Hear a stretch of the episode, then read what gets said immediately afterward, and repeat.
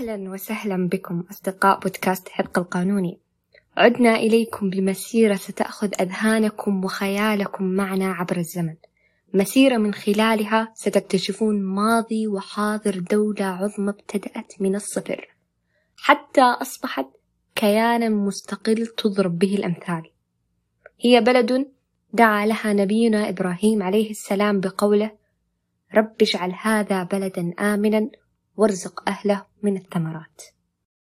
بدأت قصتنا قبل ثلاثة وتسعين سنة في وسط صحراء قاحلة على هضبة مرتفعة مستحيلة الوصول. كان الملك عبد العزيز وستة من رجاله متسللين خفية إلى قصر حاكم الرياض وقتها ابن عجلان. وبعد دخولهم للقصر عرفوا من الخدم أن ابن عجلان كان ينام في قصر المصمك ويخرج بعد صلاة الفجر. فقرر الملك عبد العزيز أنه ينتظره في قصره وينادي باقي رجاله اللي كانوا ينتظرونه على أطراف المدينة. وبعد خروج ابن عجلان في فجر ذلك اليوم بدأت معركة الرياض. المعركة اللي انتصر فيها الملك عبد العزيز ورجاله انتصار ساحق على من كان يفوقهم في العدد والعدة. أما عجلان بن العجلان فبينما حاول الهرب لحقوا عبد الله الجلوي وقتله فنادى المنادي الملك لله ثم لعبد العزيز وصحيح أن الهضبة عالية وصعب طلوعها ويكاد يكون من المستحيل مواجهة العدد الكبير منهم. ولكن المستحيل ليس سعوديا. وبعد ما توحدت المملكة ولله الحمد على يد الملك عبد العزيز رحمة الله عليه جاء وقت إعمار هذا البلد العظيم. جاء وقت الإنجازات والاكتشافات اللي بتجعل هذا الوطن في مقدمة الأوطان. فبدأت الحكومة السعودية إنها تبحث عن وسائل عشان تنشئ بلد متحضر ومواكب لتطورات زمانه. لأنه في ذلك الوقت وتحديدا عام 1932 ميلادي انتشرت أخبار عن اكتشاف كمية وفيرة من النفط في البحرين. فهذا الشيء أثار التساؤل في بال الملك عبد العزيز وقتها. هل من الممكن أن السعودية يكون فيها كمية من النفط أيضا؟ لذلك بعدها بسنة تقريبا وقعت المملكة مع شركة أجنبية اتفاقية للتنقيب عن النفط في أراضي المملكة. وبدأوا يشتغلوا ويحفروا لكن مع الأسف فشلت كل محاولاتهم. كانوا كل ما حفروا بئر طلع لهم البئر فاضي. فتحطمت المعنويات وتراجعت الشركة عن العمل.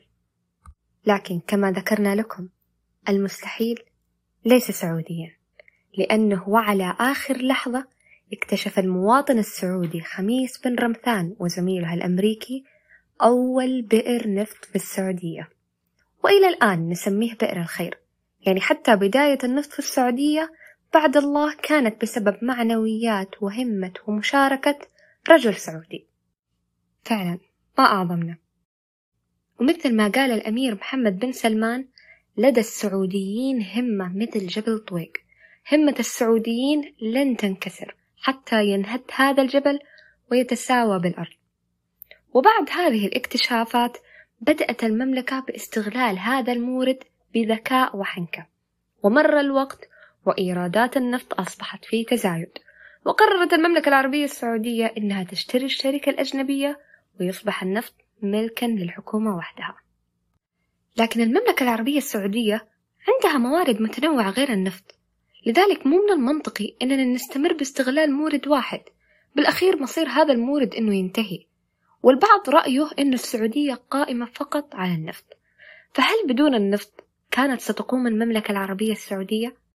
خلونا نسمع رأي محمد بن سلمان في هذا الموضوع. الملك عبد العزيز والرجال اللي عملوا معاه في كل أنحاء المملكة. لما أسسوا الدولة ما كان في نفط. أسسوها بدون, بدون نفط. وأداروا الدولة بدون نفط. وعاشوا في الدولة بدون نفط. وتحدوا الاستعمار البريطاني ولم تدخل بريطانيا ولا شبر من السعودية بدون نفط. برجال. وكما قال الأمير محمد بن سلمان السعودية قامت بأهلها. ما قامت بنفط. قامت برجال وإنجازات وهمم عالية. وكلنا عارفين بأن المملكة العربية السعودية تعتبر أكبر مصدر للنفط في العالم وتقريبا هالشيء هو اللي ساعدنا في تطوير الدولة. لكن أحد أهدافنا لعام 2030 إننا ما نكتفي بهذا المصدر فقط يعني إنه يكون عندنا أكثر من مصدر لدخل الدولة. والحمد لله قدرنا حتى قبل ما نوصل 2030 إننا نحقق بعض من أهدافها.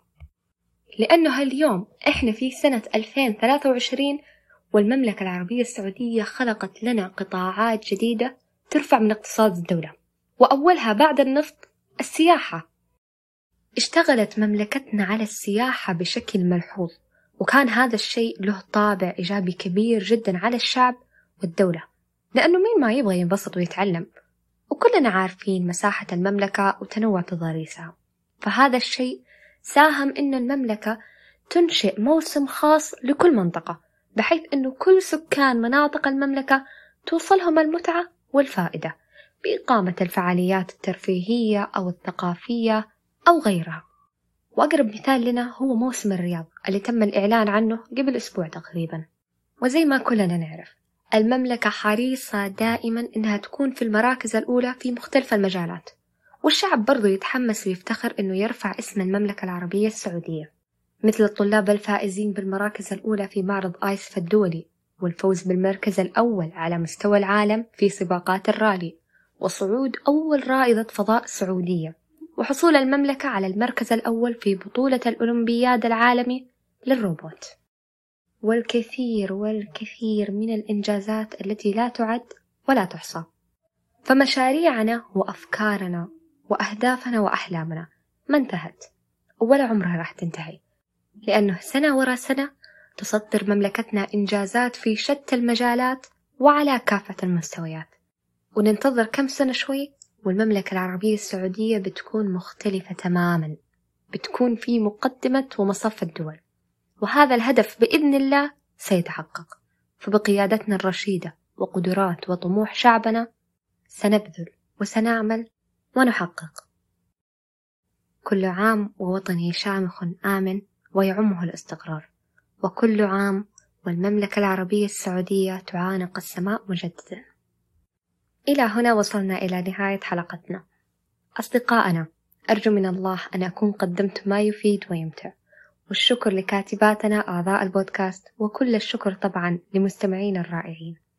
كانت معكم ريما حميدة الجهني ونلقاكم في حلقة أخرى على خير بإذن الله.